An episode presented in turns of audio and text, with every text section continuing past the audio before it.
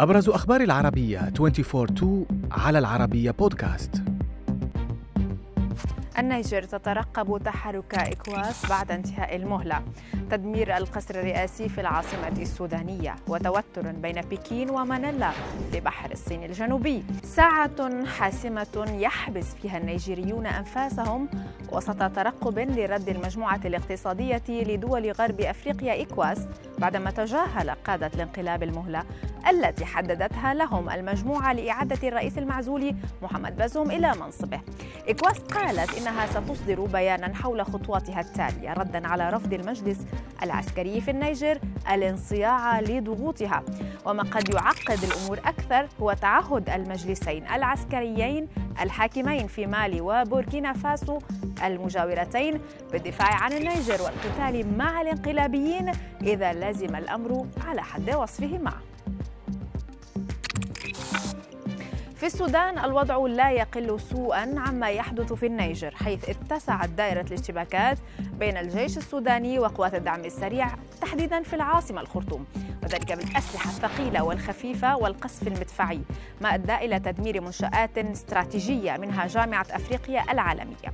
وسائل إعلام سودانية نشرت أيضا صورا لتدمير شامل غير معالم القصر الرئاسي جراء الاشتباكات الجارية لليوم ال 114 منذ بدء هذا الصراع فيما امتدت الاشتباكات المسلحة تحديدا إلى جنوب العاصمة خاصة في محيط سلاح المدرعات والأحياء المجاورة.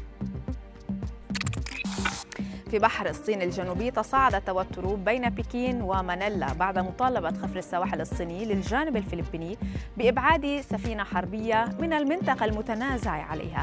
الصين حثت الفلبين على سحب السفينة الراسية في جزيرة قريبة من جزر نانشا التي تسيطر عليها. فيما جددت الفلبين تمسكها بالدفاع عن سيادتها وحقوقها معلنة استدعاء السفير الصيني لديها. وتطالب الصين بالسيادة الكاملة تقريبا على البحر الذي يعد ممرا تجاريا لبضائع بتريليونات الدولارات سنويا. وسط مطالبات منافسة من كل من ماليزيا والفلبين وتايوان وفيتنام. عائلة أمريكية قررت خوض مغامرة غريبة نوعا ما بهدف الابتعاد عن عالم الإنترنت وشبكات التواصل الاجتماعي لكنها انتهت بشكل مأساوي. سيدة تبلغ من العمر 42 عاما وابنها وشقيقتها عثر على جثثهم في غابة غونيسون الوطنية حيث قرروا العيش في البرية. وشاهدوا العديد من مقاطع الفيديو على اليوتيوب التي تعلمهم كيفية البقاء على قيد الحياة هناك.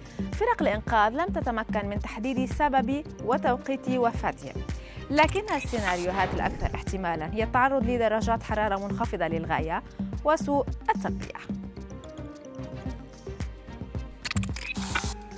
من ناحية أخرى قصة نجاة غريبة بطلتها امرأة إندونيسية. ظلت بين فكي تمساح لمدة ساعة ونصف الساعة. تصارعه بكل ما أوتيت من قوة إلى أن كتبت لها النجاة. السيدة التي تبلغ من العمر 38 عاما وتعمل في إحدى المزارع مزارع النخيل في مقاطعة كاليمانتان تفاجأت بتمساح يهاجمها ويمسك بساقها ليسحبها إلى مياه جدول صغير. فيما أوضح شهود داعيا أن التمساح أمسك بالسيدة لمدة ساعة ونصف الساعة وحاول مرارا جرها إلى أسفل المياه لكن لحسن الحظ لم يكن الجدول عميقا بما يكفي ليقرر في النهاية التخلي عن فريسته.